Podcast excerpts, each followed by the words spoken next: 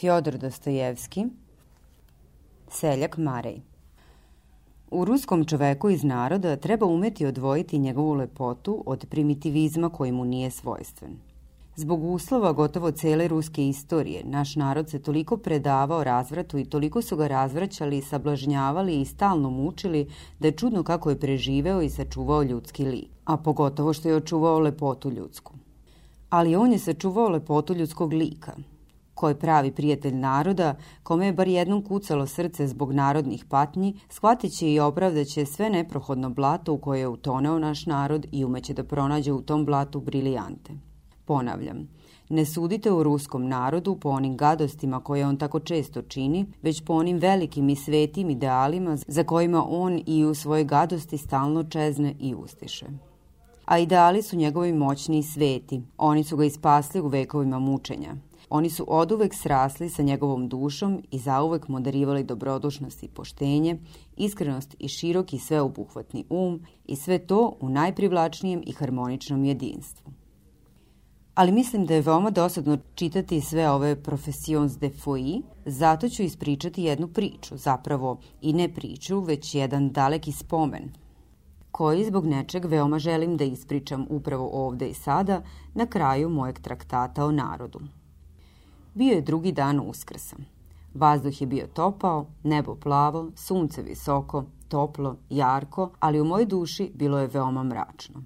Lutao sam iza robijaških kazamata, gledao i prebrojavao koje kakvog tamničkog palisada, ali nisam ni hteo da ih brojim, iako mi je to već bila navika. Već drugi dan se u tamnici slavi praznik. Robijaše ne izvode na rad, pijenih je bilo mnogo, čule su se psovke, a svađe izbijale svaki čas i na sve strane. Ružne, odvratne pesme, kockarske grupe koje su igrale karata ispod tamničkih kreveta, nekoliko robijaša koje su drugovi po svojoj odluci isprebijali na mrtvo ime zbog naročitih skandala, ležalo na drvenim ležajima, prekriveno kožusima, dok se ne osveste i ne povrate u život. Već nekoliko puta su potezali noževe iz kanije, sve me je to za ova dva dana praznika tako iskidalo da sam bio prosto bolestan jer ja nikada nisam mogao bez gađanja da podnosim pijanu narodnu terevenku, a pogotovo ovde, na ovom mestu. Ovih dana čak ni starešine nisu zavirivale u tamnicu, nisu vršili pretrese, nisu tražili piće, shvatajući da ipak treba dati čak i ovim odbačenim ljudima da se malo provedu, makar jedan put u godini, jer bi inače bilo gore. Najzad u mom srcu planu gnev. Sreo sam Poljaka Mrckog, političkog osuđenika, Pogledao me smrknuto, oči mu sevnuše, a usne zadrhtaše. Mrzim ove razbojnike, rekao je poluglasno i škripeći zubima prošavši pored mene. Vratio sam se u kazamat, mada sam pre četvrt časa izleteo otud kao lud, kada je šest snažnih seljaka složno navalilo na pijenog tatarina gazina da ga umire i počelo da ga tuče. Tukli su ga strašno. Kamilu bi čovek mogao takvim batinama ubiti, ali oni su znali da je ovog Herkula teško ubiti, zato su ga bezobzirno tukli. Kada sam se vratio, ugledao sam na kraju sobe, na drvenim ležajima u uglu, već onesvešćenog gazina, gotovo bez ikakvih znakova života. Ležao je pokriven kožuhom i svi su ga zaobilazili čutke, mada su se pouzdano nadali da će se do ujutro osvestiti, ali ko zna, posle ovakvih batina može čovek i da umre. Provukao sam se do svog mesta prema prozoru sa gvozdanom rešetkom, legao na leđa, zabacio ruke pod glavu i zažmurio. Volao sam tako da ležim, jer onog ko spava ne diraju, a pored toga mogu da sanjarim i mislim. Ali sada mi se nije sanjarilo. Srce mi je kucalo nemirno, a u ušima su mi odjekivale reči Mrckog. Mrzim te razbojnike. U ostalom, što da opisujem utiske, ja i sada ponekad sanjam noću to vreme i nemam težih snova. Možda će čitaoci i to primetiti da ja do danas gotovo nijednom nisam javno govorio o svom životu na robiji. A zapise iz mrtvog doma napisao sam pre 15 godina kao izmišljeno lice, zločinac koji je ubio svoju ženu. Uzgred da dodam pojedinost da od tada o meni mnogi misle, čak to još i danas tvrde, da sam ja bio osuđen na robiju zato što sam ubio svoju ženu. Malo po malo sam se stvarno zaneo i neprimetno utoneo u uspomene. Za sve četiri godine moje robije neprestano sam se sećao svoje prošlosti i čini mi se preko uspomena ponovo proživeo sad svoj raniji život. Uspomene su same iskrsavale, redko sam ih hotimično izazivao. To je obično počinjalo od neke sitnice, ponekad beznačajne, a zatim bi i malo po malo izrastalo u kompletnu sliku, u snažan i celovit utisak. Analizirao sam te utiske, dodavao nove crte onome što sam već odavno proživeo i što je najvažnije, popravljao sam ga, neprestano popravljao. U tome je i bila sva moja zabava. Ovoga puta sam se neočekivano setio jednog gotovo beznačajnog trenutka iz mog ranog detinjstva, kada mi je bilo svega devet godina. Trenutka koji sam izgleda bio potpuno zaboravio, ali ja sam tada naročito voleo uspomene iz svog najranijeg detinjstva. Setio sam se avgusta u našem selu. Dan suv i vedar, ali malo svežiji i vetrovit. Leto je bilo na izmahu i trebalo je uskoro putovati u Moskvu i opet se dosađivati svu zimu na časovima francuskog jezika. Zato mi je tako teško i bilo da napustim selo.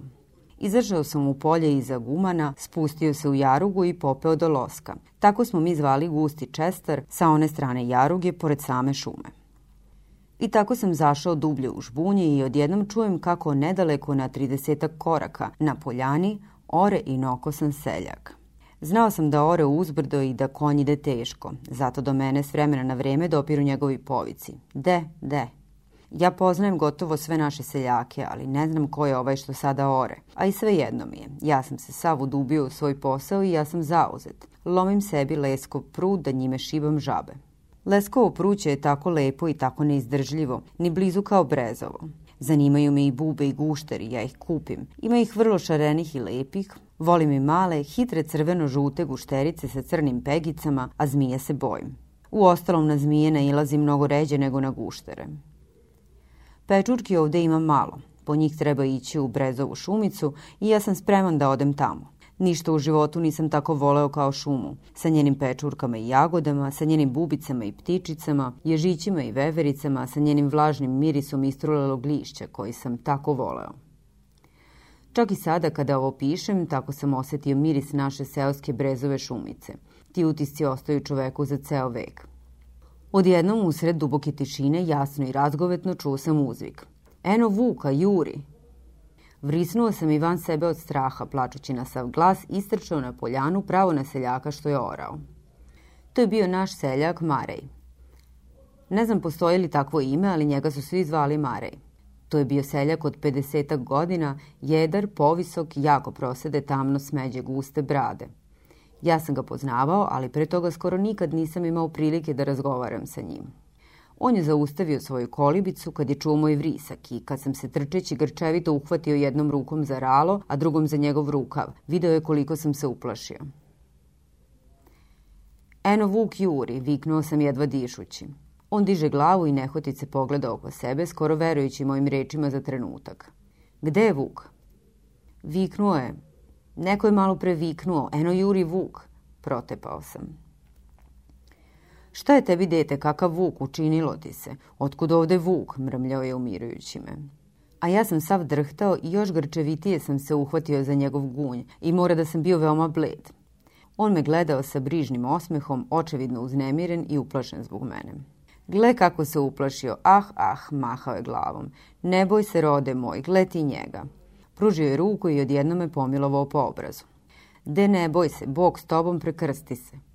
Ali ja se nisam prekrstio. Kutovi mojih usana su podrhtavali i to ga izgleda naročito dirnulo. Pružio je polako svoj krupni prst sa crnim noktom, prašnjav od zemlje i nežno dotakao moje uzdrhtale usne. Gle ti njega, osmehnuo mi se nekim materinskim i dugim osmehom. O Bože, šta ti je dete? Ah, ah. Shvatio sam najzad da Vuka nema i da mi se uzvik eno Juri Vuk samo pričuo. Uzvik je istina bio sasvim jasan i razgovetan, ali meni se i ranije jednom ili dva puta pričinjavalo da čujem takve povike, i ne samo o vucima. I ja sam to znao. Kasnije, kada sam odrastao, te halucinacije su prošle. Pa da ja idem, rekao sam, gledajući ga upitno i bojažljivo. Idi, slobodno idi, a ja ću da gledam za tobom. Ne dam ja tebe Vuku.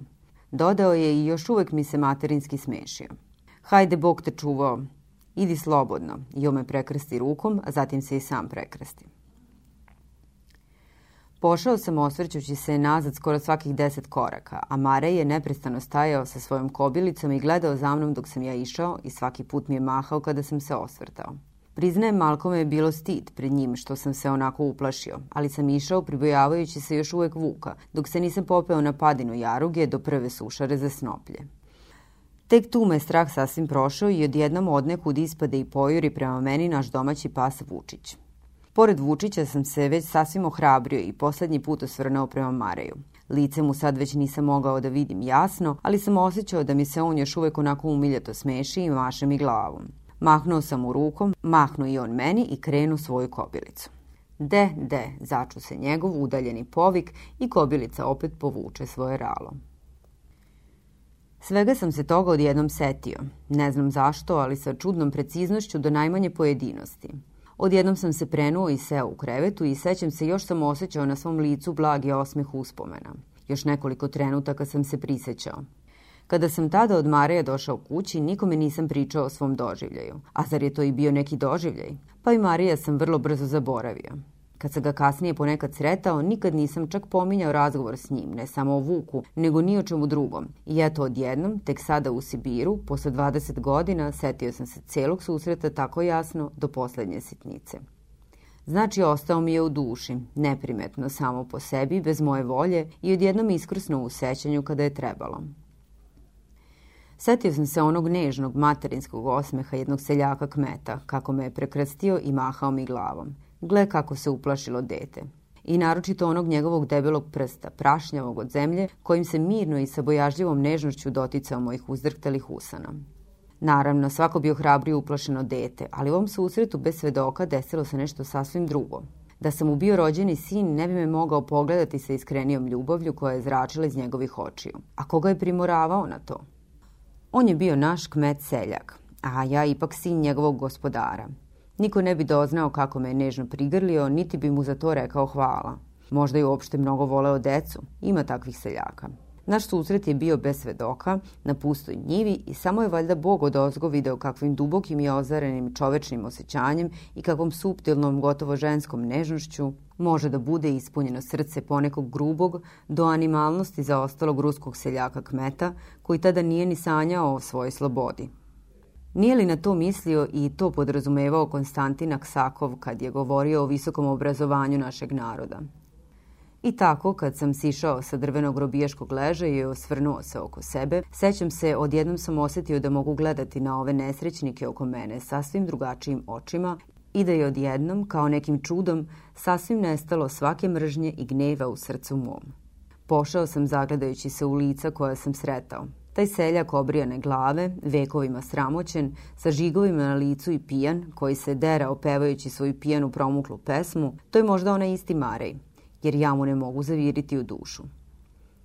Sreo sam te iste večeri još jednom i Poljaka Mrckog, jadnik. On nije mogao imati uspomena ni o kakvim Marejima, ni nekog drugog pogleda na ove ljude osim svoga.